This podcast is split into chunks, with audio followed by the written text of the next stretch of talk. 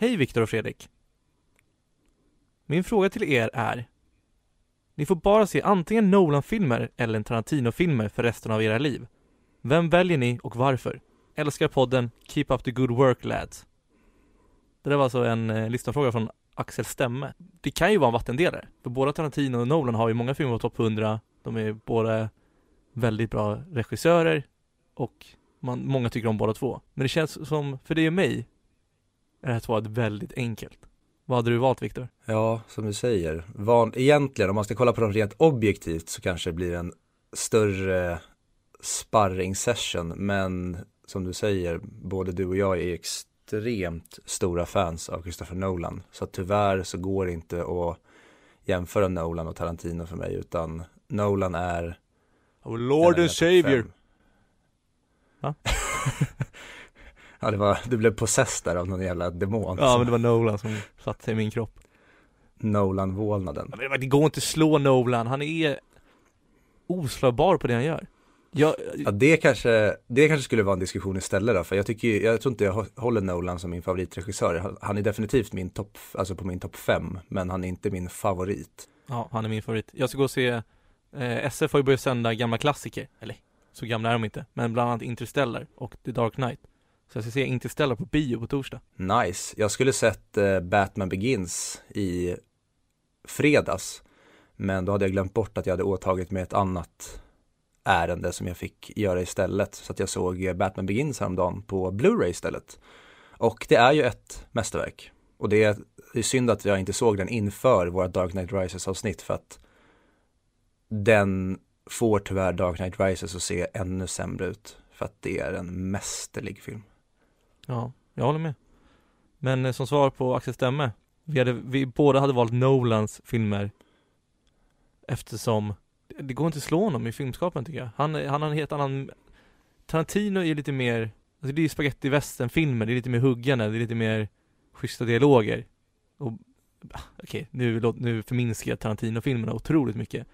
Men du förstår vilken approach jag har. Nolans filmer känns mer mäktiga och mer känslosamma. han är mer eh, en regissör i din smak. Jag måste säga att jag hade nog gjort, alltså matchen mellan dem hade varit ännu lättare för ett par år sedan, men som jag nämnt när vi pratat både Reservoir Dogs och Inglourious Bastards är ju att min kärlek till Tarantino har ju vuxit något enormt senaste åren.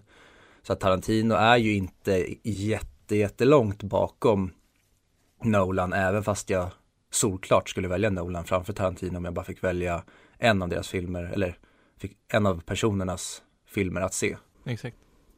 Bra. Så jag hoppas att vi, eh, ja, jag hoppas att vi svarade på frågan, typ. Typ. Ja. Bra. Ja, men vi kör väl igång Ja, då. Okej. Då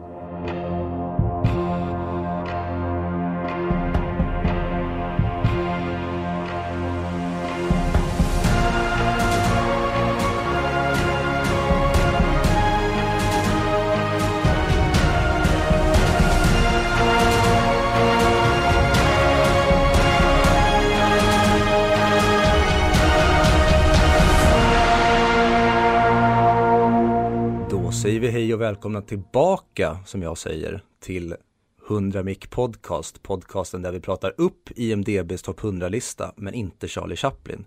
Aldrig Charlie Chaplin, vi kommer aldrig prata upp Charlie Chaplin. Och det här är då avsnitt 69, eller placering 69. Och idag så ska vi prata om Park Chan-wooks väldigt, väldigt hyllade film Oldboy från 2003. Men that comes later. Jag heter som vanligt Viktor och med mig har jag Fredrik. Heter den bara Oldboy på engelska? Eller, för på svenska heter den ju Oldboy Hämnden. Ja, den hämnden kan vi ju stryka rakt av. Det är, det är typiskt sånt där svenskt idiotförklarande. Bara så att ni vet, filmen handlar om en hämnd. Så att ni inte blir förvirrade när vi startar filmen sen. Ja, ja. Nog om hämnd. Vi kommer in på det senare. Ja. Hur mår du? Jo, men jag mår eh, bra, gör jag. Jag eh, tycker dock att det är tråkigt att den här värmeböljan har försvunnit och att vi just nu står med regn hela dagarna. Det ska ju vara sommar och sol och korta kjol. Vi vill ha det i Markoolio, men icke får vi uppleva det just nu. Hur mår du själv? Lite likadant. Nu när jag äntligen har fått min första semester För jag har, jag har delat upp min semester i två delar. Skitsamma. Då så kommer regnet och molnigheten. Solen försvann. När mitt jobb försvann. Det suger. Mm. Men för övrigt, alltså förutom det, helt okej. Det är ju podd. Det är alltid kul att spela in podd. Och alltid kul att prata om spännande koreanska filmer. Alltså, som jag brukar säga när vi ska spela in, alltså sorry älskling men it's pod o'clock, I gotta go, see you later, ciao. Brukar du säga så? Extremt obehagligt om jag hade sagt så. Väldigt. Men däremot så såg jag en eh, väldigt omtalad film senaste, eller den har varit omtalad senaste veckan, men jag såg den häromdagen. Nämligen Will Ferrells Eurovision Song Contest. Åh nej. Eh, jag- har inte sett den, jag kommer nog inte se den heller. Eh, och då kommer alltid någon säga så här, "Ja, men hur kan du bedöma om du inte har sett den? Ja men det är klart man kan. Man vet ju exakt vad det är för humor. Den är riktad till amerikanska publiken och det är Will Ferrell som är med. Och jag älskar Will Ferrell i jättemånga filmer han har gjort. Men det känns för många av hans filmer är för uppenbar humor, för riktad mot den amerikanska publiken. Och nu får du bekräfta om det var sant eller inte. Var det dålig uppenbar humor? Det är det, som du säger, typ alltid när Will Ferrell är med i, i alla fall många av de här typiska Will Ferrell-filmerna. Men jag tycker ju om när man sätter sig och ser en Will Ferrell-film och är med på exakt vad det kommer vara och det är ju Eurovision Song Contest. Den är precis det man förväntar sig att den ska vara. Den är extremt tramsig. Den är väldigt, som du säger, övertydlig och amerikaniserad och Eurovision Song Contest är i princip en ett hån av oss nordbor, vilket jag älskar. Men jag vet att många, framförallt på Twitter, har blivit väldigt kränkta av att de gör narr av oss svenskar. Och nu ska det ju vara att han spelar islänning i filmen, men det finns väldigt många traits där som vi svenskar sitter på. Och det tror jag att Will Ferrell har bättre koll på hur vi svenskar är än islänningar eftersom han är gift med en svenska. Ja, men hur, hur var låtarna? För det är ju Molly Sandén som har sjungit alla. Mm, det visste jag inte när jag såg den. Men eh, låtarna är, några av låtarna är otroliga, alltså vad ska man säga, väldigt bra med flit dåliga låtar. De ska ju vara parodier på Eurovision-låtar. Ja, ja okej. Så jag, jag, kan verkligen, jag, jag kan verkligen rekommendera att se den om du går in med inställningen att det här kommer vara tramsigt. Men du måste ju, alltså, det spelar ingen roll. Om du inte är med på premissen så kommer du inte hänga med i någon film oavsett. Här kanske bara att du måste kanske vara extra med på att det här kommer bli ganska flamsigt och tramsigt. Men... eh, Flams och Trams? Fil- Flams och Trams. Filmens stora stjärna är ju Dan Stevens som spelar en rysk Eurovision-stjärna. Och han är helt underbar.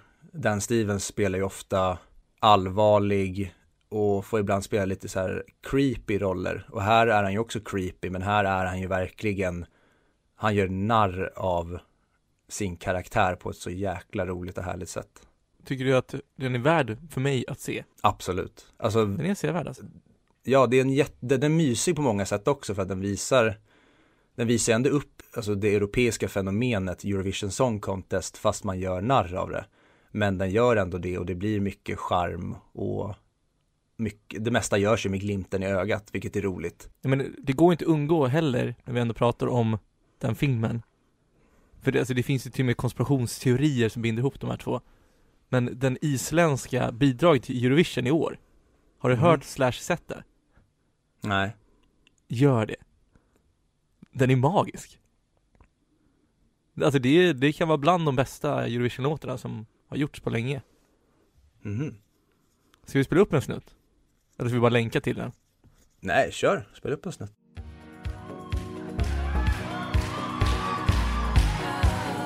Jo, den här har jag hört. Den här, Det här är ju svinbra. ja, den är hur bra som helst. Ja. Den spelas typ överallt.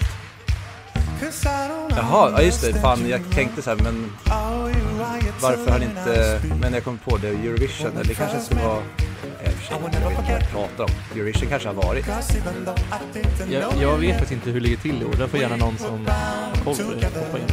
Kör. Men den, ja, den här låten har jag hört på både radion och även hört den på någon eh, sammankomst av något slag.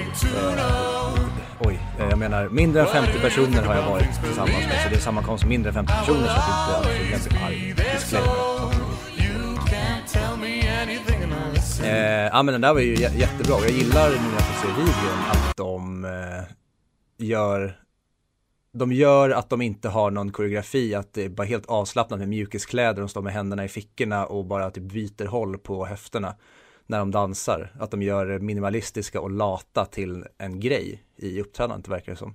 Jag står och stampar med foten. Jag- Det jag älskar Ja. mest är att alla har ju två mikrofonstativ för de ska kunna gå över scenen till nästa.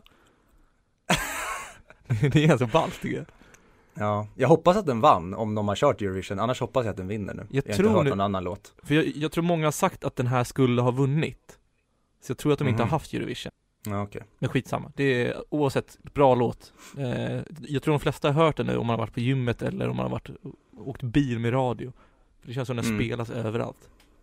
Och jag kan ju säga att många av låtarna i Eurovision Song Contest-filmen som Molly Sandén gör med Will Ferrell, eh, i alla fall ett par av dem är ju definitivt bättre än alla andra låtar som Molly Sandén någonsin har gjort. Okej. Typ deras huvudlåt som de använder i filmen som deras bidrag är magisk.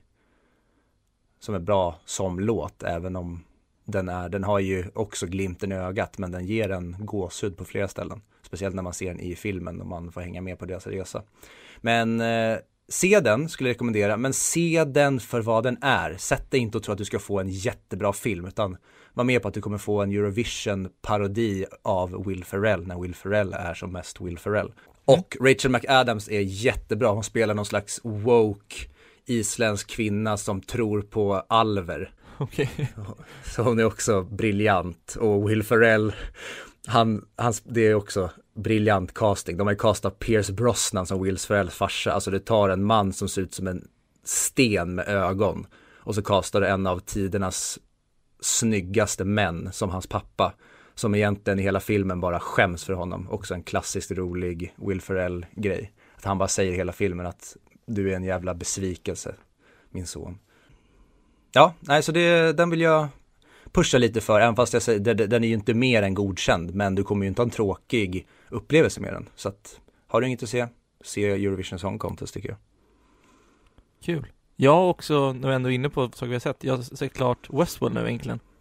Jag fastnar inte på säsong tre. Har du sett det? Jag har bara sett säsong ett. Säsong ett tycker jag är magisk. Säsong två tycker jag är okej. Säsong tre, det var, alltså, det var, det var ett okej avslut på det tycker jag. Om det nu är slutet, det vet man ju inte. Mm. Det har jag hört från andra som har sett säsong tre, att säsong tre, hela den säsongen är egentligen bara ett uppbyggande mot slutet, att säsongen i sig är lite mer bara en tease hela tiden och sen får man en, reda på någonting typ i slutet som hela säsongen har byggts upp för. Men varför det kittlar min hjärna är ju för att jag älskar ju det som den är uppbyggd på. Och den är uppbyggd på AI och data. Eller okej, den den är inte uppbyggd på det, men den handlar om och utforskar AI och data och vad man kan göra med det. Och det är någonting som jag tycker är otroligt fascinerande. Det är därför som den fall mig i smaken väldigt mycket. Mm. Ja, jag tyckte jättemycket om säsong ett, även fast den också var stundtals lite för förvirrande med de här parallella tidslinjerna. Men sen när det väl, när poletten trillade ner så tyckte jag jätte- jättemycket om den. Men sen så fick jag höra lite blandade reaktioner om säsong två och då blev det aldrig att jag tog tag i den. Mm, Men Ford, karaktären, är ju så jävla bra. Vem är Ford? Ford är den gamla gubben som, eh, alltså ju, Ja, The Man in Black. nej nej nej. Det är ju The Man in Black. Ford är han som styr allting. Han som har skapat AI-robotarna. Alltså Anthony Hopkins. Exakt. Jaha, men ja, okej, så han är med sen också. Jag trodde han, de avslutade honom i säsong ett. Spoiler alert. Nej men jag menar i säsong ett alltså. Jaha, sorry, jag trodde det... Ja, jag missförstod. Skitsamma. Nog om Ford. Nog om Ford, men inte nog om eh, Westworld, eller nog om Westworld, men inte nog om eh, skaparna Jonathan Nolan och Lisa Joy. Mm. För att i veckan kom det ju eh, ut nyheten om att de ska producera en serie baserat på Fallout spelserien. Mm. Och vad tycker vi om när man gör filmer baserat på spel?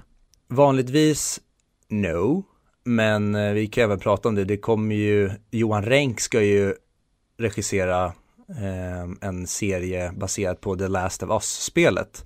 Och jag känner att när man tar så otroligt kompetenta skapare som Johan Renck, som senast gjorde en av, enligt mig, tidernas bästa tv-serier, Chernobyl, Och i eh, Fallout-serien då, att du tar Jonathan Nolan och Lisa Joy som då har gjort bevisligen en väldigt kompetent serie i Westworld och ska ta sig an de här, alltså det kommer ju vara, det kommer inte vara Last of Us-storyn eller Fallout, någon av Fallout-storiesarna, utan det kommer ju vara serier skrivna i universumen. Så de tar ju mer konceptet av världen, som jag förstår det, och kommer göra en serie utifrån det. Och Fallout är enligt mig den absolut ballaste tv-spelserien som har gjorts. Okej. Okay. Där tror inte jag håller med dig, men eh, jag kan köpa att idén är väldigt ball. Ja, jag älskar ju, men det är för att jag älskar just 50-talet, eh, alltså Mad Men är ju min favoritserie mm. någonsin och det tar just den typen av tid i design och på hur saker ser ut blandat med lite futuristiska robotinslag blandat med en postapokalyptisk nuclear bomb spillrad värld och så finns det den här mutationen som är tack vare strålningen och allting som har skett på grund av det här kärnvapenkriget. Det är som att ta en cocktail av allt jag älskar och bara tvinga mig att dricka den och smakar så jävla gott. Men det kan ju vara varför det aldrig lyckas innan heller.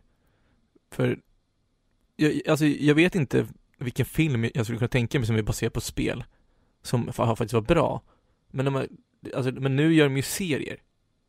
Det, och, så är det så här, nu gör de serier och det är de här som gör serierna. Alltså, Jonathan Nolan, Lisa Joy och vad heter den sista nu igen? Johan Renck gör ju Last of Us. Ja, och Johan Renck. Om det misslyckas nu, då vet jag fan vem som ska lyckas med det. Men det är ju det, för att jag tycker det är orättvist att jämföra filmer och serier. Jag tycker inte det är samma, även fast det är bild och ljud så tycker jag att det är två vitt skilda saker. Eh, just jo, för att du har i serier har du så otroligt mycket mer tid att etablera världar och karaktärer och där tror jag just tv-spelsformatet för att tv-spel behöver du vara en tid med för att det ska funka.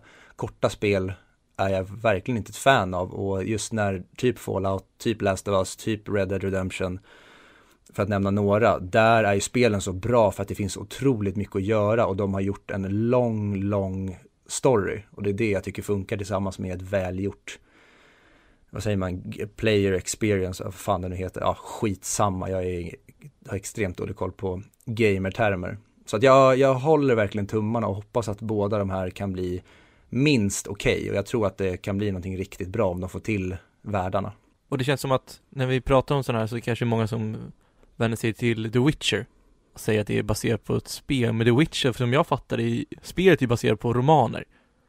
Och jag antar att det är samma story som i, alltså som i serien som det är i romanerna, eller i böckerna. Så det känns inte heller rättvis bedömning på att det är baserat på ett spel. Mm. Men inte, jag har hört att uh, The Witcher ska vara bra om man är ett fan av uh, Witcher-spelen. Att den ändå ska göra den världen rättvisa, även fast man måste, samma sak, kanske fel att jämföra den med Eurovision Song Contest, men du måste ändå se den för vad den är. Du kan inte förvänta dig typ Game of Thrones, för då kommer du bli besviken, utan du måste gå in ännu mer i fantasy-världen för att tycka att den är bra. Jag tycker den är jättebra, The Witcher. Eh, men med det sagt, det är också, man märker ju att den inte har budgeten nog att göra det den vill göra. Eftersom det är en mm. serie och den är outforskad, så de visste väl inte hur, hur den skulle slå, men men det jag tänkte var att jag slängde in det som en brasklapp till att jag sa att det inte har gjorts någon bra serie eller film på baserat på spel. Då räknar jag inte att The Witcher är baserad på spel utan den är baserad på romanerna från början. Mm. All right. Men eh, vad säger du om jag säger att vi går in och leker Vem är vi på väg? Fredrik? Spännande. Du är ensam deltagare idag, som vanligt. Är du redo? Jag är redo. Alright. Då kör vi 10 poäng i Vem är vi på väg? Föddes 1969 i Uvalde i Texas och fick sitt genombrott i Richard Linklaters klassiker Dazed and Confused. Man kan tro att jag tycker väldigt mycket om smörgåsar och att hälsa på folk. Alltså det känns som att det är på tungan. Men jag vågar inte dra än. Nej. Vill du eh, gå på åtta poäng i Vem är vi på väg? Jag vill gå ner till åtta poäng. Då kör vi åtta poäng i Vem är vi på väg? Åtta poäng. Under andra halvan av 00-talet verkade det som att Hollywood glömde bort att jag kunde skådespela då jag endast fick vara med i romcoms och liknande såsom Hur man blir av med en kille på tio dagar, Flickvänner från förr, Fool's Gold och Sahara. Men under 10-talet kan man minst sagt påstå att jag gjorde comeback och det kanske var tack vare min oförglömliga roll i Tropic Thunder. Okej. Ja men det är någon av de två, men vem är det? Ja, det är Robert Downey Jr. Nej, inte igen. Kul, det skulle vara en rolig mindfuck någon gång om man tar samma men man ändrar, ändrar Man- ingenting från förra. Alltså jag drar nog. Men eh, jag kommer ju, jag kommer ju ha fel. Jag kommer vara första som har fel. All right. Men jag drar. Jag gissar på Mm.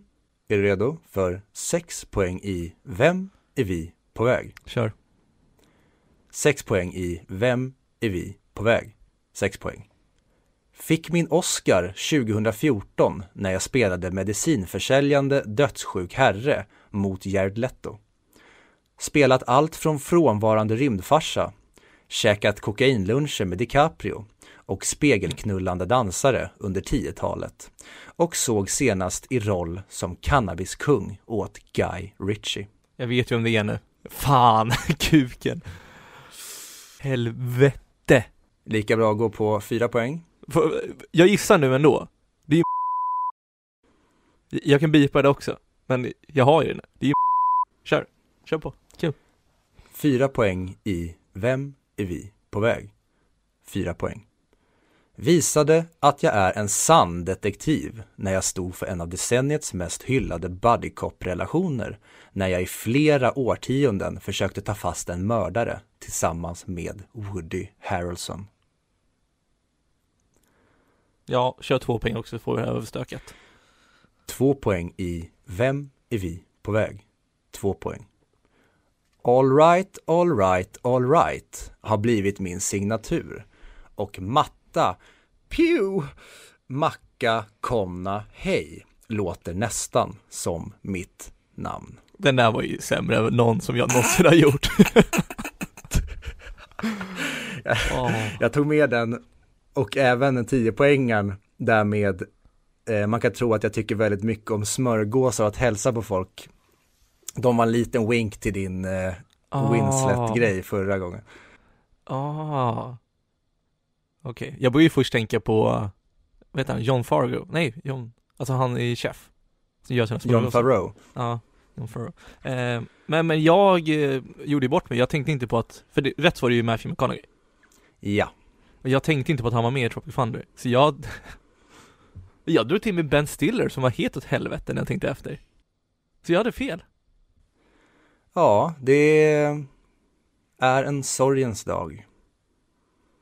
Det regnar och vi har sett den första förlusten i Vem är vi på väg? Men eh, jag kanske kan dra ledtrådarna då för att se, kanske man kan halka in på någonting annat. Han föddes ju då i Uvalde, jag vet inte hur det- hur det uttalas, om det är Uvald eller Uvaldi i Texas och fick sitt genombrott i Richard Linklaters klassiker Dazed and Confused. Har inte sett, men eh, hört extremt gott om den och att Matthew McConaughey är briljant i den. Samma här också, jag har inte sett den heller. Och man kan tro att jag tycker väldigt mycket om smörgåsar och att hälsa på folk, alltså smörgåsar, macka, Mac, Matthew McConaughey och att hälsa på folk, alltså hej, Matthew McConaughey. din, din ledtråd var att du översätter smörgås till Mac, som inte ens är hans namn, utan det är Matt. Som inte heller är hans namn, utan det är Matthew. Nej. Eller? Alltså jag, det var att smörgåsar är ju macka Ja. och han heter ju Matthew McConaughey. Jaha, i efternamnet, okej, jag tänkte väl. Och att hälsa på folk. Där, det, var så här, jag, jag, det var 10 poäng så jag vill, jag måste vara luddig där för skulle jag, skri, skulle jag sagt att man kan tro att jag tycker väldigt mycket om mackor och att säga hej, då blir det, tycker jag, typ för lätt. Mm, ja, men jag förstår. Och 8 poäng då. Under andra halvan av 00-talet verkar det som att Hollywood glömde bort att jag, bara, eller att jag kunde skådespela. Då jag endast fick vara med i romcoms och liknande. Som alltså How to lose a guy in 10 days, där han spelar någon lite halvblåst eh, blond snygg snubbe. Samma sak med Flickvänner från förr, där är också samma typ av roll. Fools Gold och Sahara, liknande filmer där han ska vara någon liten ja men bimbo-versionen kanske man inte kan säga, men det ska vara liksom äventyrsfilmer för den som inte har någon slags krav på en film för fem jävla öre. Alltså den som tycker att Indiana Jones är för komplicerad så kan du se Fool's Gold eller Sahara. Men det, det där, jag har aldrig hört talas om någon av de filmerna och jag tänkte, det kan ha varit Ben Stiller som varit med i de där skitfilmerna. Eller det, det kanske de inte är, men det känns som romcoms är generellt sett, från den tiden, sett som det. Ja, jag, eh, alltså, och samma sak där, Ben Stiller har ju varit med i lite romcoms, men där har det ju varit romcoms som har varit mer åt Will Ferrell-hållet, där han ska Mm. spela den här plojiga, pajiga karaktären som Ben Stiller gör briljant. Exakt. Eh, så att jag tycker inte Ben Stiller är en helt dålig gissning, den är ganska bra. Speciellt när det kommer in att han var med i eh, Tropic Thunder. För som du säger, man tänker inte att Matthew McConaughey är med i den, men han står ju för en av de bästa rollerna där tycker jag, när han är den här typ Ari Gold-liknande agenten. Mm. Jag håller med. Eh, och sex poäng fick min Oscar 2014 och den fick han ju för Dallas Buyers Club där han spelar, jag vill säga Ron Woodruff eller något sånt där hette han ju. Mannen som eh, var med och gjorde en revolution mot typ aids-medicin. De, han var med och fick fram bromsmedicin mot aids. Jag kommer inte ihåg exakta storyn för jag har inte sett den sedan den kom ut. Men även där Jared Leto spelar eh, en eh, transvestit har jag för mig att han spelar. Som även också är sjuk i hiv eller aids. Och där hade han även sitt Eh. klassiska tacktal för Oscar. Där hans förebild var sig själv om tio år. Jaha, Det var det han sa, att han, han, han vill tacka tre personer eller fan det var. Hans far, Gud och så kommer han in på att hans förebild i livet är sig själv om tio år. På så sätt, Mhm. på så sätt vill han alltid utvecklas. För han vill, ja, för det- dels är det det och sen vill han att om tio år så ska jag vara min förebild nu. Mm, jag skulle säga att Matthew mellan 2010 och 2015 är den bästa Matthew för där gör han som bäst roller. Sen tycker jag att andra halvan av 10-talet har han hoppat på lite tveksamma projekt som typ Dark Tower och den här Tr- Sea of Trees som inte alls funkade. Men han har även gjort bra roller och filmer som typ eh, Gold och nu senast Guy Ritchies eh, The Gentleman. Men Dark Tower har ju en otrolig värld. Det är bara att filmen, alltså stressar igenom allting. Det är väl typ sju böcker. Så det är väl Stephen King som har skrivit dem. Precis. Jag tror att det är Stephen King. Eller? Ja men det, jag är nästan säker på det. Ja, okej. Eh, Så det är synd att filmen inte utforskade det tillräckligt. mm. Och där är återigen, känn världen och alltså premissen. Går det här att få ihop på en två och en halv timmes film? Mm. Då kan du kanske göra det, men känns det minsta lilla tveksamt, gör det till en tv-serie eller låt det vara. För då, då kan det bli pannkaka som Dark Tower i det här fallet. Eh, och sen så fyra poäng då. Visade att jag är en sann detektiv när jag stod för en av decenniets mest hyllade buddy cop relationer när jag i flera årtionden försökte ta fast en mördare tillsammans med Woody Harrelson. Nämligen säsong 1 av True Detective som enligt mig är den bästa tv-säsongen som har gjorts. Kan typ hålla med. Kanske Band of Brothers. Har den en säsong, eller är det bara en säsong? Det är bara en säsong. Ja, ah, okej. Svårt att jämföra, för den, den är ju alltså mer historisk. Mm. Men jävlar vad bra den är.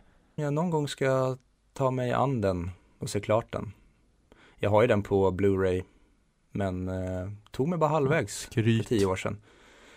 Eh, och sen sista två poäng. Alright, alright, alright. Det har ju blivit hans signatur och ja, matta, pew, macka, konna, hej låter nästan som mitt namn. Så att jag hoppas att de som ja, inte tog den tidigare kunde ändå ta den på två poäng. Om man nu mot förmodan inte gjorde det så kanske lika bra att eh, du övar mer till nästa gång. Får jag aldrig vara med nu längre? För jag är inte klar det. Ja, jag tänkte det för att det, du var ju väldigt full när vi bestämde det, men vi skrev ju på muntliga avtal skrev vi på eh, om att den första som har fel i vem är vi på väg eller vem kan det vara, den måste ju tyvärr bytas ut i podden. Mm. Så att jag kommer ta in eh, eh, Paolo Roberto istället för dig. Mm. För jag vill ha drevet. Jag, jag saknar den tiden när du och jag fick drev emot oss. Så att jag ska ta in, och så ska vi bara prata om eh, filmer som behandlar eh, prostituerade och sådana ämnen. Så får du sitta och lyssna. Bra. Men då... Jag kommer inte lyssna. Men... eh, känns ju jätteonödigt. Så, Sitter, tvingar dig själv att lyssna. Ja, men vi kör filmen tycker jag. Det tycker jag med.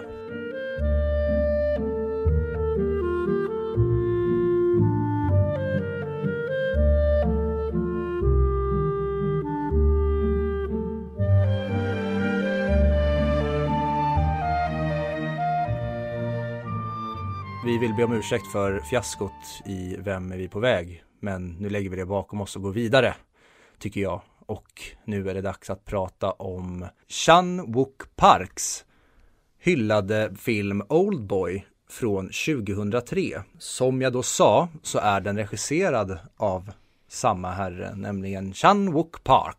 Jag börjar med att fråga, har du någon relation till Chan Wook Park, Fredrik? Inte vad jag vet om. Har han gjort någon film som jag kan ha sett? Har du sett The Handmaiden? Nej, bara Hand, Handmaid's Tale. Ja, Okej. Ja, men vi kan säga att det är han som har gjort den. Ja, men då så. Då har en stark relation. Nej, han har gjort eh, Handmaiden som jag för övrigt kan rekommendera. Briljant film. Sen så gjorde han 2013 även en amerikansk film som heter Stoker. Har du sett den? Nej. Den, jo men den är ändå sevärd, men jag tyckte att den, den funkade inte lika bra som hans lite skeva ton. I de filmerna som jag har sett av honom, det är de tre. Oldboy, The Handmaiden och Stoker. Det är de tre jag har sett av honom och alla de tre har lite skev ton. Och det tyckte jag funkade mycket bättre. Mm, jag vet inte om det var för att det var på sydkoreanska, men det funkade inte lika bra när det var en amerikansk värld av någon anledning. Okej. Men eh, hade du sett Oldboy innan också då? Menar du? Nej, det hade jag inte, utan jag har ju sett den amerikanska remaken. Men alltså, jag förstår inte dig. Att hur du av alla människor kan göra något sånt. Det är ungefär som att gå in och kolla på en oväntad eh, vänskap med, heter han? Kevin, Kevin Hart. Kev- ja, och eh, Bryan Cranston. Ja men vad fan håller ni på med? Kolla på den franska geniala filmen. Gå inte och kolla på den amerikanska remakesen. Samma sak tvärtom. Gå inte och kolla på de koreanska remakesen av, av amerikanska filmer heller. Jag håller ju med och jag eh, ska faktiskt efter det här gå och piska mig själv med 50 piskrapp över ryggen på grund av det här för att ja, jag, och ja, det, jag minns inte varför jag såg den faktiskt, för det, det är en konstig grej att göra när jag vet att originalet finns, att se den amerikanska remaken. Eller varför såg jag inte originalet först och sen såg den amerikanska remaken? Jag, jag, jag, äh, Vi gör ja, så här. Nej. Jag stryker min bestraffning för att jag misslyckades på Vem är vi på väg? Och du tar din bestraffning och stryker den. Så vi är kvitt. Ja, eller så bestraffar, vi bestraffar oss båda så att nästa vecka kommer det vara Paolo Roberto och Cissi Wallin som kör podden istället. Men no- nog om mig, dig, oss. Nu går vi vidare till eh, det vi skulle prata om. Jag håller med, vi, eh, vi bestraffar ingen här. Vi kör vidare, förlåt. Jag är så dum. Eh, men du hade inte heller sett den inför, eller? Jag har inte sett den. Eh, däremot, jag har haft flera personer som har sagt att Åh, det här är min, den här filmen längtar jag till när- tills den kommer på listan. Åh, den filmen är speciell. Så jag hade ju skyhöga förväntningar. Vad hade du för förväntningar? Det var ju lite av ett problem och det kommer jag återkomma till men därför alla människor som just nu hatar mig för att jag gick den American way istället för så the original way och bara få, jag får leva, jag är, jag är inte felfri. Jag har fel också, även fast det är mitt enda fel som jag någonsin har stått för. Men att jag kommer återkomma till det under tiden vi pratar om den här filmen just därför att genom att jag visste att den stora twisten i den här filmen så sabbade det lite för mig men jag kan ju fortfarande se filmen för vad den är. Men jag ska inte hymla med att det det tog ner den lite, tyvärr, för att jag visste om det. Jag tror att den hade slagit mig mer i facet om jag hade varit helt blank, såklart. Och det kanske räcker som förväntningar för oss båda, eller? Jag tror det också. Vill, eh, Mm. vill du gå igenom vad filmen handlar om? Eh, ja, lite kort så handlar ju den om då en eh, alkoholiserad narcissistisk herre som vi då får eh, följa på en polisstation där han beter sig och bara är allmänt störig och oskön. Personen blir då bailad av sin kompis och när han kommer ut och ska ringa hem till sin fru och sitt barn så försvinner han. och blir satt i en, eh, ett hotellrumsfängelse kan man väl säga att det är i 15 år och sen efter 15 år så blir han utsläppt och filmen handlar då om jakten och hämnden på personen som har gjort det här mot honom. Är det fair? Ja, det är en fair teaser till det, till filmen. Jag har lovat att göra en shoutout också till, till en, till en vän, Ola Jensen, som gav den här roliga trivian. Du vet, alltså, när han äter bläckfisk. Han äter ju en riktig levande bläckfisk, och inte bara en, utan de äter fyra stycken totalt i den scenen. Otrolig scen. Och den är så, eftersom det är på riktigt. Ja, oh, jag får rysningar bara tänker på det. Ja, så jävla gorgeous. Men tydligen i, i, i Korea så äter de ju levande bläckfisk fast de skär upp den då först. Eller rå bläckfisk blir det då såklart. Mm. Eh, Men till och med när de vann priser så tackade ju regissören Bläckfisken bland annat eftersom det blev så kontroversiella grejer här för mig. Mhm. Men det tycker jag var kul. Så tack, tack Ola. Tack Ola för din, ditt bidrag. Verkligen. Eh, men innan vi går och dyker in och pratar om filmen, vad tyckte du om den? Jag tycker att den var bra men inte så bra som alla hypade. Och jag vet inte om det är det, om det förstörde det för mig. Att alla hypade så, Hopp, då behöver vi skaffa säkerhetsskydd åt dig då, för att nu kommer du leva under hot framöver. ja antagligen. Men jag kan hantera mig själv. Jag har ju sett Oldboy. Jag brukar stå och slå i väggen också hemma. Jag ser det, du har hål i eh, väggen bakom dig där. Mm, och blodiga knogar. Nej. äh. Vad gör man inte för att vara lite ball och tuff? Verkligen. Och jag tar väl över, jag tar väl vid där och jag älskade den här filmen. Jag kan se precis vad The Fuss is about. Även om eftersom jag visste om då twisten och nu kommer ju twisten då att det är hans dotra som han då blir förälskad och eh, har sex med. Så att, eh, men det, det är också, det är en liten del av filmen, det är inte the big boom, utan den här filmen är fylld med så otroligt mycket bra filmskapande och story och karaktärsbyggande och som du brukar prata om foreshadowing och musik och foto och allt att jag kan bortse från att jag visste om twisten på förhand. För att jag, resten av filmen, även vem som utsatte honom för det här och varför, det hade jag glömt bort. Ja, alltså, vi kommer väl prata igenom filmen. Men saken för mig var att jag, jag kände det när jag såg den också att jag, det var svårt att komma in i för mig. Men det, men det var också lite för att det, det blev nästan press att jag skulle, var tvungen att tycka att den skulle vara så jävla bra för alla andra har sagt det. Så jag, jag försökte för hårt, för mycket. För det här är verkligen en film som, det, återigen så är det en sån film som jag vill se igen. Såg du twisten komma? Eh, nej, Vad tänkte du när du fick det berättat för dig? Jag tänkte jävlar. Det är lite, det är lite sjukt. Sprang du runt på golvet hemma på alla fyra och skrek att du var en hund och att, att någon skulle skydda dig från det här obehagliga och klippte ut din tunga till slut? Nej, men eh, jag var tvungen att kolla bort när han klippte ut sin tunga. Åh fy fan. Mhm. Jag, men, jag, jag, jag vill inte se sånt. Samma sak när de- de rycker ut tänderna. Jag är inte stark i de ögonblicken. Hur tänkte du? Nej, jag satt ju och väntade på det ögonblicket, men jag hade ju ingen aning om att den reaktionen han skulle få skulle komma, för det var typ det jag visste, alltså som jag sagt, det var twisten jag kände till. Så att resten av filmen var väldigt fresh för mig. Jag visste ju vad det handlade om, att han skulle, att han hela tiden blev katt och råtta lekt med en person som har terroriserat honom i över 15 år och fått honom inlåst. Och egentligen regisserat honom i precis den riktningen han vill. Men alla detaljer och sånt, det känner jag inte till. Och det kan jag ju säga redan nu att tonen, takten, framförallt fotot i kombination med musiken i den här filmen är bland det snyggaste jag sett. Jag älskar allting med hur den, vi hoppar in i en scen och det tycker jag är genomgående i hela den här filmen. Vi hoppar in i en scen där vi inte förstår så mycket utan vi är bara i en ny plats och en ny scen och någonting händer och sen så får vi allting förklarat för oss vad som har skett innan eller vad som håller på att hända just nu. Och så känns det som att det är en upprepning av det genom hela filmen och det gör hela tiden att vi förstår ingenting. Vi är hela tiden steget bakom.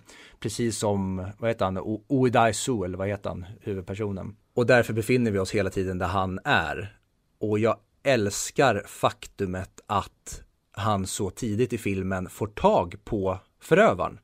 Men det är inte det som spelar någon roll utan förövaren har redan en plan med så många steg fram att Uday Su han han kan inte döda honom för att han måste få reda på varför han har gjort det här.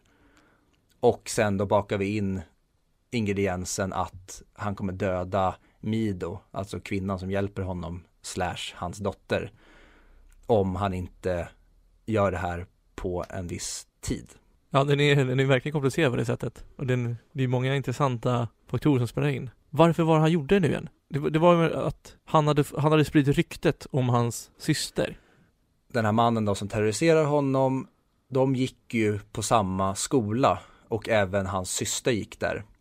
Och Udaisu, han var ju även på den tiden en, eh, ett jävla svin, en player och egentligen brydde sig inte om så mycket annat utan han var bara en douchebag.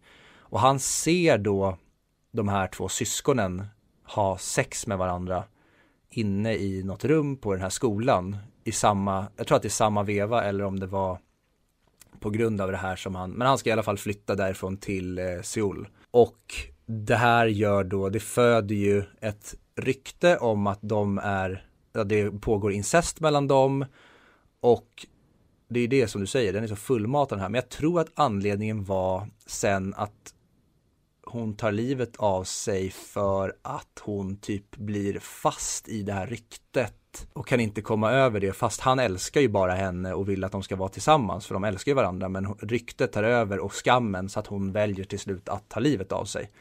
Och då bestämmer han då sig för att jag ska bli framgångsrik, mäktig, ha pengar och sen ska jag regissera den här jäveln till att hans liv ska krossas som mitt gjordes när han då indirekt startade ryktet som dödade min kärlek och syster. Exakt. Tänk om det ändå vore så lätt att man bara kunde bestämma sig, nu ska jag bli mäktig och rik, så blir man det. Mm. Jag gillar verkligen den typen av hämndhistorier i filmer när en person får sin drivkraft ur en så otroligt mörk sak. Ja. Att han sen, hela hans liv dedikeras åt att han ska hämnas mot de här människorna som har gjort honom illa. Exakt. Eller henne. Ja precis, och han säger ju det när han lyssnar på det där äh, inspelade tejpen. Vad heter det? Kassettbandet. Att, mm. äh, att varför ska han åka in i 15 år? Och då säger han det väl för att, för att han pratar för mycket. Och det är väl en foreshadowing till ryktet. Exakt, precis. Och just varför det blir 15 år, det var ju en väldigt snygg grej som jag eh, läste mig till efter. Ja. Tydligen är, eh, för att Odaisu, hans fru dör ju ett år senare. Och det då gör ju att hans, deras dotter skickas till en fosterfamilj i Stockholm på Kungsholmen, vilket också är en rolig eh, grej. Mm. Att man blandar in Sverige i det här. Komisk grej som jag läste trivia, det var att numret som står med på adressen av det telefonnumret det blev tvungen att stängas av för det var så många efter den här filmen som ringde till det numret för att det var ett telefonnummer i Sverige. Och sen blev det då istället eh, vidarekopplat till den eh, sydkoreanska ambassaden i Stockholm. Så det är en rolig grej, vilken, och det säger en del om vilken impact den här filmen hade. Just att den fick ett sånt following, att folk började ringa till telefonnumret som stod med i filmen. Men att när då, eftersom frugan dör, och det får man ju ta då att det är ju förmodligen han då skurken, jag kommer inte ihåg vad han heter. Men han, eller skurken, hämnaren, den första hämnaren, inte Udaisu. Att han dödade väl frugan då ett, ett år senare efter Udaisu blev inlåst. Och sen så blir han då utsläppt, utsläppt 15 år senare. Och tydligen är preskription, preskriptionstiden för mord i, alltså mordmisstanke i Sydkorea är 15 år. Så att han släpps ut efter just 15 år på grund av att då ska inte polisen lägga sig i hans katt och lek. För hade han släppts ut tidigare och han hade kommit i kontakt med ja, men, banken eller vad fan som helst så hade de sett att oj, den här snubben är misstänkt för mordet på sin fru för x antal år sedan. Ja, det är ju sjukt intressant. Och det tror jag, den här filmen har nog otroligt mycket mer filosofiska och ännu mer foreshadowing som man missar när man har sett den en gång. Så det är precis som du säger, den här filmen borde man nog se om för att kunna hitta ännu fler detaljer och förstå den ännu mer och djupare. För det är säkert garanterat många grejer som man har missat för att den är så otroligt fullmatad och har ändå ett väldigt högt tempo den här. Men verkligen. Men också han som spelade han, Dasu, jag läste också att eh, han gjorde nästan alla sina stunts själv. Och jag vet att den här filmen har ju blivit jättehyllad och jag kan hålla med om, eh, om eh, alla fightscener.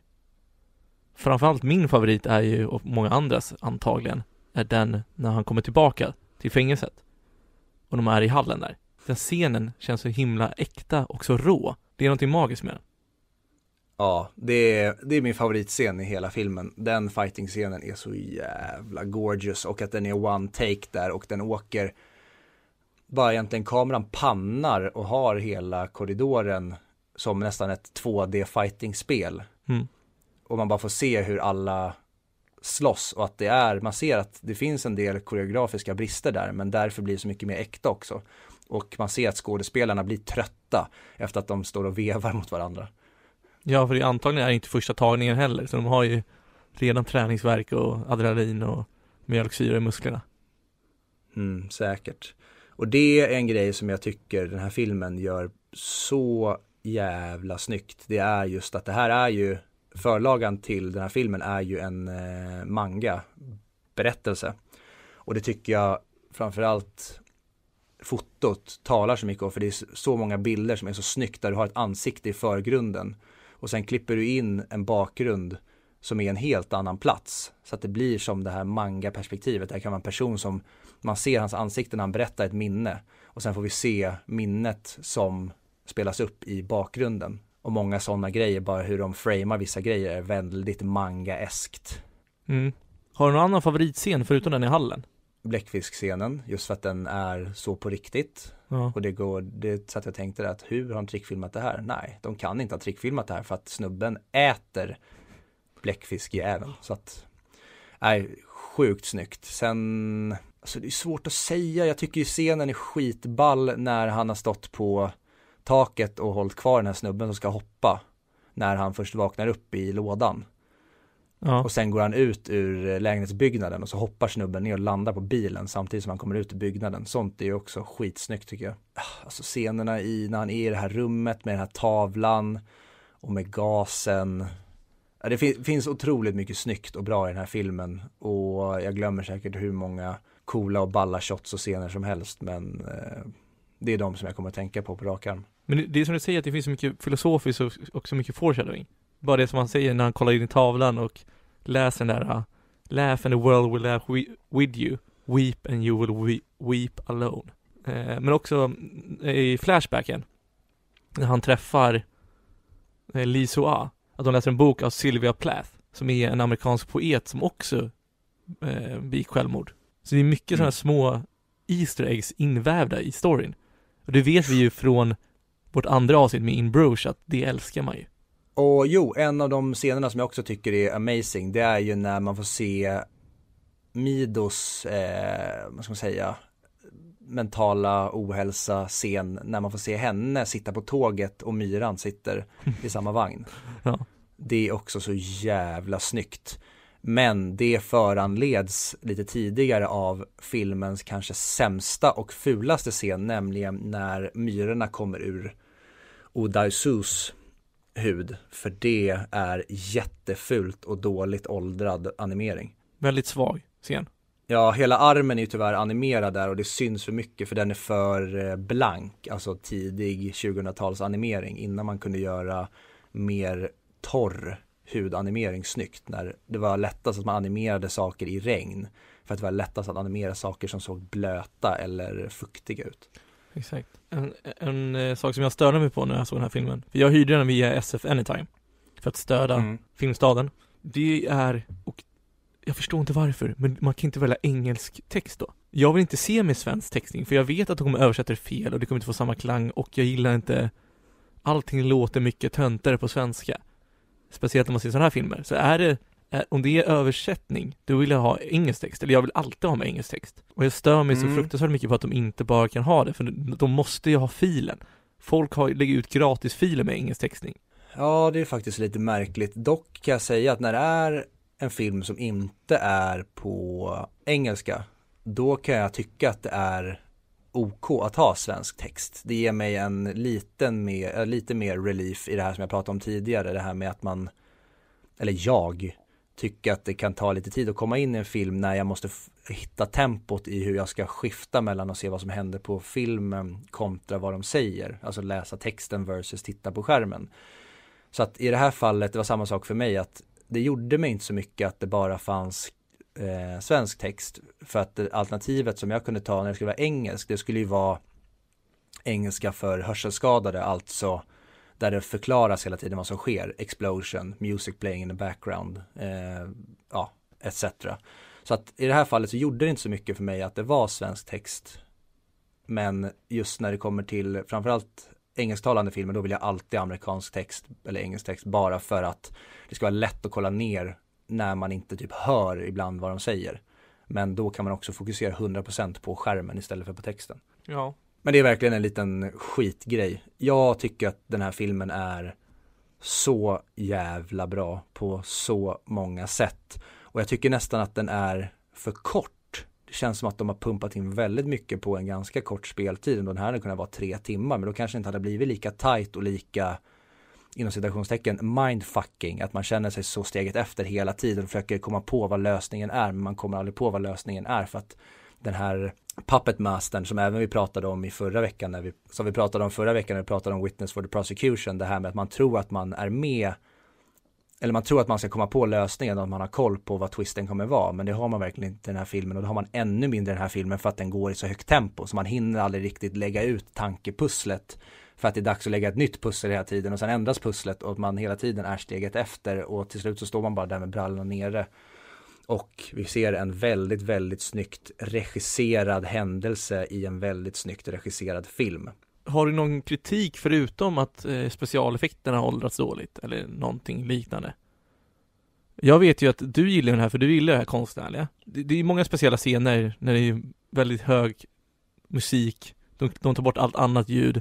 Den är väldigt, eh, vad ska man kalla det, filmisk av sig. Det här är ju en film Mm, för den- filmälskare. Eh, Precis, den blir väldigt, alltså det, cineaster då som Ja. många filmälskare vill kalla sig för.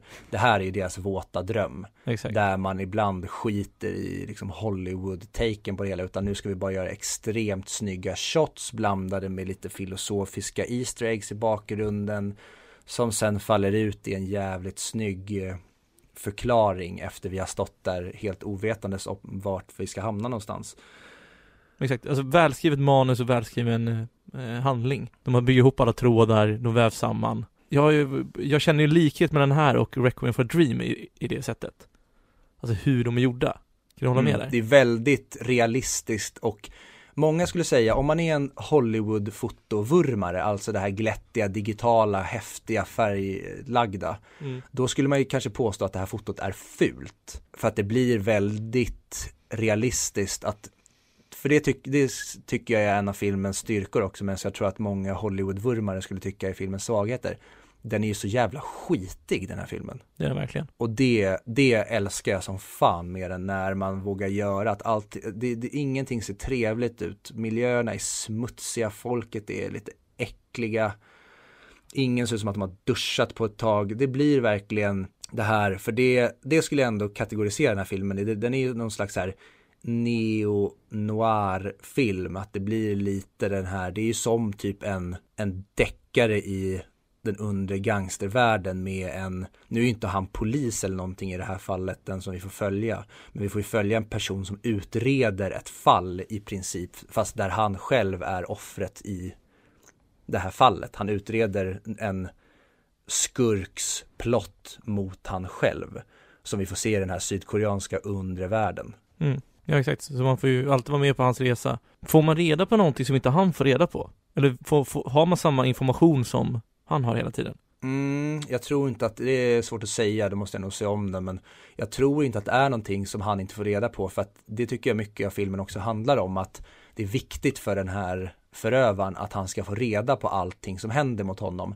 för att hela tiden tala om för honom att det spelar ingen roll hur mycket du tror att du jagar mig, utan jag låter dig hela tiden komma närmare mig. Allting som händer dig är på grund av att jag vill att det ska hända dig. Typ till exempel när han tror att den här uh, hotellfängelseägaren, att han uh, har blivit av med handen på grund av någonting som då den här förövaren har tyckt att han har gjort fel.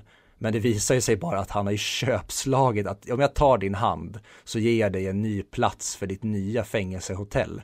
Och det går han med på. Och då blir ju, alltså vår huvudkaraktär, Oda Su, han blir ju lurad till att nu är ju Alltså min fiendes fiende är min vän. Men det visar ju sig bara att han spelar ju också med i Puppet Masters spel och lurar honom in bara i nästa plottpunkt. Och det är också så jävla snyggt att han hela tiden tror att aha, nu är jag den här skurken på spåren. Men nej, skurken vill bara att du ska vara precis där du är och han vill bara lä lägga nästa breadcrumb för dig så att du kan gå in på nästa spår och följa nästa katt och råtta kapitel. För, ja, för det jag ville säga var att jag gillar sådana filmer när man bara får samma information som den man följer, som huvudkaraktären har. Så då, Mm. då får man ju, då, man kommer ju verkligen in i hans resa. Det är inte så här, det är inte som i Star Wars när man, när man får reda på att Chewbacca lever sekunden efter att man trodde att han dog. Utan nu får man verkligen följa karaktären. Ja, jag vet inte, jag, skulle kunna sitta och hylla den här i oändlighet och jag skulle nästan vilja se om den igen bara för att kunna prata om det estetiska i den här, bara det vi får se och hur snyggt filmad och det i kombination med musiken och ja, men tempot och det. Det skulle jag vilja grotta ner mig ännu mer i för att det är en grej som är min favoritdel av filmen. Om man plockar bort hela den här storyn och den här uh, katt och råtta-leken så är bara det så jäkla värt att se den här filmen för. Jag vet inte riktigt vad, vad man kan säga. Vi kanske kan prata lite om Mido och just där den delen med dottern. Där tänkte jag också, ja fy fan vad, nej, eftersom jag visste om att det var dottern, var så här, nej men fy fan vad töntigt sätt de möts. Att han går in där på restaurangen och det råkar vara hon. Men även det får vi förklarat för oss att han har hypnotiserat båda dem till att de ska reagera på vissa saker och att de ska just mötas på de här ställena. Att den är ju av skurken regisserad in i minsta detalj. Och att vi får reda på att hon tar ju hand om honom för att det är det skurken vill. Och hon blir ju alltså våldtagen av det här gänget just när han går över och konfronterar skurken för att det är det skurken vill. Han hela tiden bara gör saker som han vill ska utspela sig och Odarsu han bara faller i varenda fälla. För det tänkte jag först att, äh men dottern, hon, hon funkar inte så jättebra. Och sättet de träffas på och hon vårdar honom det, det funkar inte heller. Jag köper inte det här att hon bara skulle ta hand om honom av ren välvilja. Men som precis i Witness for the Prosecution, She fick jag, fast filmen var så jävla mycket smartare än vad jag var. Man trodde alltid att man var lite smartare och hade koll på hur historien svängde och ah, okej, nu, nu har han övertaget. Nu, nu har han listat ut någonting. Eller nu, nu kanske han är på väg mot, men som du säger, allting var konstruerat av, av den onda. Av den originalhämnaren. Precis. En grej också med hur den här filmen ser ut, om jag ska gå in på det igen, det är ju att jag tror att den här filmen såg ju såklart mycket mer modern ut när den kom 2003 och det är ju snart 20 år sedan. Men jag tycker att hur den har åldrats rent fotomässigt är till filmens fördel om du gillar den här typen av foto. För jag tycker att det här krispiga, grumliga, lite stundtals färglösa men även när den har mycket färg så ser det lite nästan urtvättat ut. Men det är bara till filmens fördel som jag nämnde tidigare med den här skitiga undre världen. Mm. Men om vi ska jämföra mot andra koreanska filmer då? Hur, hur tycker du den står sig då? Jätte, jättebra, men det, det tycker jag också att Sydkorea är ett av världens bästa filmländer. De är extremt duktiga på att göra film. Det kan du ju bara se på Parasite från tidigare i år som vann Oscar. Den är ju också en, en jätte, jättebra film och står sig över det mesta av det som Hollywood och västvärlden pumpar ur. Men även ta en film som Train to uh, Busan, briljant zombiefilm. Eh, även The Handmaiden som är av samma regissör är också en briljant film. Sen kan man nog räkna upp hur många som helst men det är de som dyker upp främst när jag tänker på uh, sydkoreanska filmer. Mm, för jag tycker till exempel, jag tycker om Par Parasite mer än vad jag tycker om den här filmen. Mm. Ja, det kanske jag också skulle göra om jag såg om Parasite, men eh, jag blev så besviken på andra halvan som vi har pratat om tidigare att den följer lite för mig från att vara 5 plus fram till städerskan plingar på. Mm. Men eh, skulle jag se om båda de här så kanske de skulle ligga någon typ liknande placeringar. Sen har jag säkert hur många sydkoreanska filmer som helst som jag har glömt nu att nämna som säkert är på samma nivå som de här. Jag tror typ Memories of Murder, den har jag inte sett men det är en generellt superhyllad film med jag för mig liknande grej att man jagar ett fall och hela tiden det är en katt och råtta-lek. Mm. Nej men jag, jag, vet inte, alltså det här är en film som jag, jag måste se den här igen. Den, är, den var för, för komplicerad tycker jag för att ge en rättvis bedömning efter en titt. Alltså dels var jag tvungen att och hantera alla förväntningar jag hade eh, från alla sagt, vad alla har tyckt om den. Men också de, de geniala fighting-scenerna som jag också hört så mycket om. Och samtidigt hänga med på twisten och hänga med på handlingen. Mm. Och jag gillar verkligen hur huvudpersonen i den här inte, även fast han, som han säger då, nu ska vi se om 15 år av trän, när jag tränat och stått slagits mot en vägg, om det kan användas i verkliga livet. Jag gillar den typen av meta-berättande. Att vi får, han vet inte själv när han träffar de här snubbarna på gatan först om han ska få stryk eller inte. Så bara, oj, de här 15 åren har visst gett mig en jävla skill att fightas. Men även för det så blir han inte övermänsklig utan han kan besegra de här snubbarna i korridoren först, även fast han får en kniv stucken i ryggen och får jävligt mycket stryk. Men sen när samma gäng är i hans lägenhet när han kommer tillbaka och han kommer in där och ska spöa dem, då övermannar de honom. Så att han är inte övermänsklig och kan spöa vem som helst utan i den, det tillfället så slogs han på rätt sätt och lyckades vinna. Men i tillfället efter då får han se sig besegrad. Mm. Men det är så många sådana där element som vi kommer glömma bort att ha sagt känner jag efter. Ja, och ni som lyssnar på det här som älskar den här filmen, ni får gärna skicka lite grejer vi kanske har glömt eller missat eller missuppfattat som ni kanske har sett om den här flera gånger och har stenkoll på vad budskapet eller vad meningen är i vissa saker eller någonting som vi har missuppfattat. För det är bara kul att bli dels rättad men även att få ny och mer akkurat information. Mm. Med det sagt, är det dags för betyg. Jag tycker du ska börja. Även om det är kanske är tabu i, i din värld. Men jag ger den exakt det betyget som den har just nu. 8,4. Ja men du får välja 8 eller 9. Ja, då säger jag 8,4. Nej men 8. Och, och sen 0,4. Nej 8. Nej men det blir avrundning i så fall. Då får den 8 med än så länge. Jag kommer bli lynchad. Men eh, vad ska man göra? Jag kom inte in i den till, tillräckligt bra. Jag fick inte den här äh, glöden för filmen, eller vad man ska kalla det, medan jag såg den. Och jag vet mm. inte om det var för förväntningar eller om det var att jag inte hade sinnesro när jag satte mig och kollade på den, eller vad det nu kan ha varit. Men det är som vi säger, mm. film är subjektivt.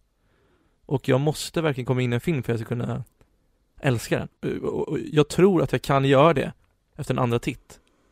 Men just nu så, får ni inte, alltså om jag ger en nio eller högre så är det inte en rättvis nia eller högre. Jävlar vad jag försvarar mig själv nu. Den får en åtta, punkt slut, deal with it. Ja men precis. Det, du ska ju verkligen inte ge betyg på någonting som du, alltså vad du förväntas ge, utan du ska ge precis det som du tycker att den förtjänar efter din titt under de omständigheterna som det blev. Och jag kan nästan, precis som med Witness for the Prosecution, kan jag bara ställa mig och preacha med dig för att jag är på samma nivå.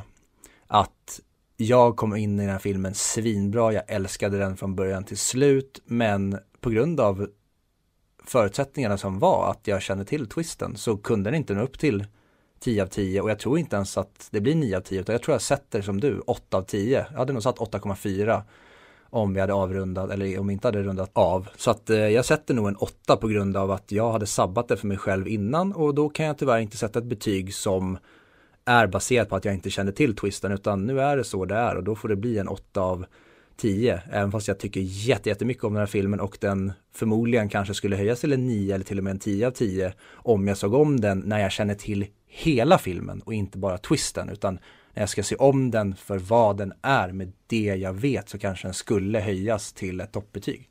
Men nu är det inte så, utan det blir en 8 av 10 för mig. Det är den sjukaste twisten att du ger en 8. Jag var säker på att du skulle ge en 10 av 10. Ja, som jag sa av den anledningen så blir det tyvärr bara en 8 av 10. Jag vill nästan ge den en 9 av 10 men jag tror inte att jag förstår filmen tillräckligt för att jag ska kunna ge den det. Utan det måste bli en omtitt igen för att jag ska kunna skjuta upp den till det. Och kanske ha ännu mer distans till twisten för att inte ha den så mycket i beaktning. För den tyvärr tog väldigt mycket fokus ifrån mig för jag försökte lägga pusslet genom filmen för att det skulle leda upp till twisten. Och det är mitt eget fel. Mm. Så att om jag skulle vara en annan person skulle jag nog ge en 9 av 10 men nu är jag mig själv med de förutsättningarna, blir 8 av 10. Men jag tycker nog ändå att den hör hemma på IMDBs topp 100 men inte på min topp 100. Nej, jag tycker inte heller. Den får inte 100 mick för mig. Men 250 mick får den. 250 mick får den för mig också. Men varför jag sitter och försvarar till lägger betyg är för att jag känner att jag har gett en orättvis bedömning. Det känns inte, in- inte som att jag gav rätt förutsättningar för att, för att kunna, för att den skulle kunna få ett högre betyg. Oavsett vilken film jag hade sett. Samtidigt Mm. så gjorde den, den inte sitt jobb genom att fånga mig. För det är inte bara jag som ska, jag ska göra jobbet och tvinga mig in i filmen. Den ska fånga mig.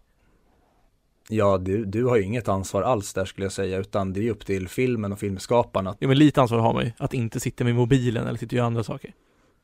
Jo, men då är det ju bara allmänt, då får du skylla dig själv. Jag menar att om Ja, en person sätter sig och tänker nu ska jag se den här filmen, filmen är si och så lång och nu ska jag bara hänga med.